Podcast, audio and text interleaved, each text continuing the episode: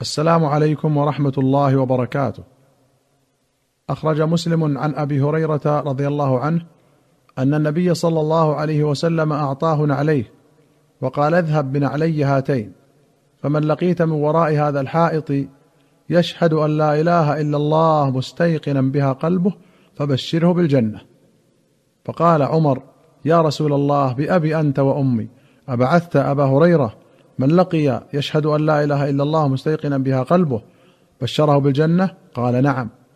قال فلا تفعل فإني أخشى أن يتكل الناس عليها فخلهم يعملون. فقال رسول الله صلى الله عليه وسلم فخلهم.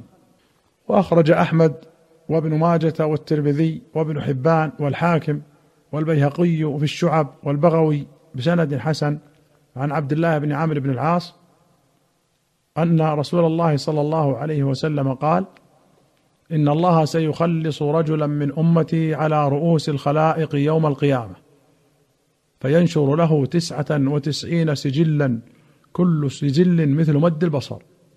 ثم يقول أتنكر من هذا شيئا؟ اظلمك كتبتي الحافظون؟ فيقول لا يا ربي. فيقول ألك عذر أو حسنة؟ فيبهت الرجل فيقول لا يا ربي. فيقول الله تعالى بلى إن لك عندنا حسنة فإنه لا ظلم اليوم عليك. فتخرج له بطاقة فيها أشهد أن لا إله إلا الله وأشهد أن محمدا عبده ورسوله. فيقول احضر وزنك. فيقول يا رب ما هذه البطاقة مع هذه السجلات؟ فيقول فإنك لا تظلم. فتوضع السجلات في كفة والبطاقة في كفة. فطاشت السجلات وثقلت البطاقة ولا يثقل مع اسم الله شيء. السجل هو الكتاب الكبير والبطاقة رقعة صغيرة وقوله طاشت أي خفت.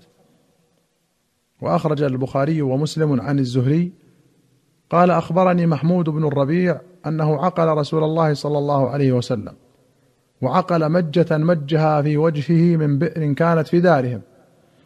وزعم أنه سمع إتبان بن مالك الأنصاري وكان ممن شهد بدرا مع النبي صلى الله عليه وسلم يقول كنت أصلي لقوم بني سالم وكان يحول بيني وبينهم واد إذا جاءت الأمطار يشق علي اجتيازه قبل مسجدهم فجئت رسول الله صلى الله عليه وسلم فقلت له إني أنكرت بصري وإن الوادي الذي بيني وبين قومي يسيل إذا جاءت الأمطار فيشق علي اجتيازه فوددت أنك تأتي فتصلي في بيتي مكانا أتخذه مصلى. فقال رسول الله صلى الله عليه وسلم سأفعل. فغدا علي رسول الله صلى الله عليه وسلم وأبو بكر بعدما اشتد النهار. واستأذن النبي صلى الله عليه وسلم فأذنت له فلم يجلس حتى قال أين تحب أن أصلي من بيتك؟ فأشرت له إلى المكان الذي أحب أن يصلي فيه. فقام رسول الله صلى الله عليه وسلم فكبر وصففنا وراءه فصلى ركعتين ثم سلم وسلمنا حين سلم فحبسته على خزير يصنع له فسمع أهل الدار أن رسول الله صلى الله عليه وسلم في بيتي فثاب رجال منهم حتى كثر الرجال في البيت فقال رجل أين مالك بن الدخشن أو الدخيش؟ فقال بعضهم ذلك منافق لا يحب الله ورسوله. فقال رسول الله صلى الله عليه وسلم لا تقل ذلك. ألا تراه قال لا إله إلا الله؟ يبتغي بذلك وجه الله عز وجل؟ فقال الله ورسوله أعلم. أما نحن فوالله ما نرى وده ولا حديثه إلا إلى المنافقين. فقال رسول الله صلى الله عليه وسلم فإن الله قد حرم على النار من قال لا إله إلا الله يبتغي بذلك وجه الله. وفي رواية قال فأتاني النبي صلى الله عليه وسلم ومن شاء الله من أصحابه فدخل. فهو يصلي في منزلي وأصحابه يتحدثون بينهم ثم اسندوا عظم ذلك وكبره إلى مالك بن دخشم. قال ودوا أنه دعا عليه فهلك. ودوا أنه أصابه شر. فقضى رسول الله صلى الله عليه وسلم صلاته وقال أليس يشهد أن لا إله إلا الله وأني رسول الله؟ قال إنه يقول ذلك وما هو في قلبه. قال لا يشهد أحد أن لا إله إلا الله وأني رسول الله فيدخل النار أو تطعمه. قال الزهري ثم نزلت بعد ذلك فرائض وأمور نرى أن الأمر انتهى إليها. فمن استطاع أن لا يغتر فلا يغتر. قوله مج الماء من فمه أي رماه وابعده والخزيرة لحم يقطع صغارا ويصب عليه الماء فإذا نضج ذر عليه الدقيق. وقوله اشتد النهار أي علا وارتفع. وقوله ذهب رجال من أهل الدار أي اجتمعوا. والمراد بالدار هنا المحلة. وقوله عظم ذلك أي معظمه وأكثره.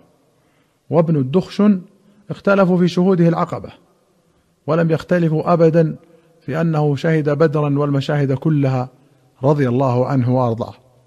وأخرج مسلم عن طارق بن أشيم الأشجعي أن النبي صلى الله عليه وسلم قال من قال لا إله إلا الله وكفر بما يعبد من دون الله وفي رواية من وحد الله حرم ماله ودمه وحسابه على الله. وأخرج أحمد وأبو داود والبزار والطبراني في الكبير والحاكم والبيهقي في الشعب بسند حسن عن معاذ بن جبل قال قال رسول الله صلى الله عليه وسلم من كان آخر كلامه لا إله إلا الله دخل الجنة. وفي رواية وجبت له الجنة. وأخرج مسلم عن جابر بن عبد الله قال أتى النبي صلى الله عليه وسلم رجل فقال ما الموجبتان؟ فقال من مات لا يشرك بالله شيئا دخل الجنة. ومن مات يشرك بالله شيئا دخل النار. وفي رواية من لقي الله لا يشرك به شيئا دخل الجنة ومن لقيه يشرك به دخل النار. وأخرج البخاري ومسلم عن ابن مسعود رضي الله عنه قال قال رسول الله صلى الله عليه وسلم من مات يشرك بالله شيئا دخل النار. وقلت أنا من مات لا يشرك بالله شيئا دخل الجنة. ولمسلم قال قال رسول الله صلى الله عليه وسلم من مات لا يشرك بالله شيئا دخل الجنة. وقلت أنا أي ابن مسعود من مات يشرك بالله شيئا دخل النار. وللبخاري قال قال رسول الله صلى الله عليه وسلم كلمة وقلت أخرى.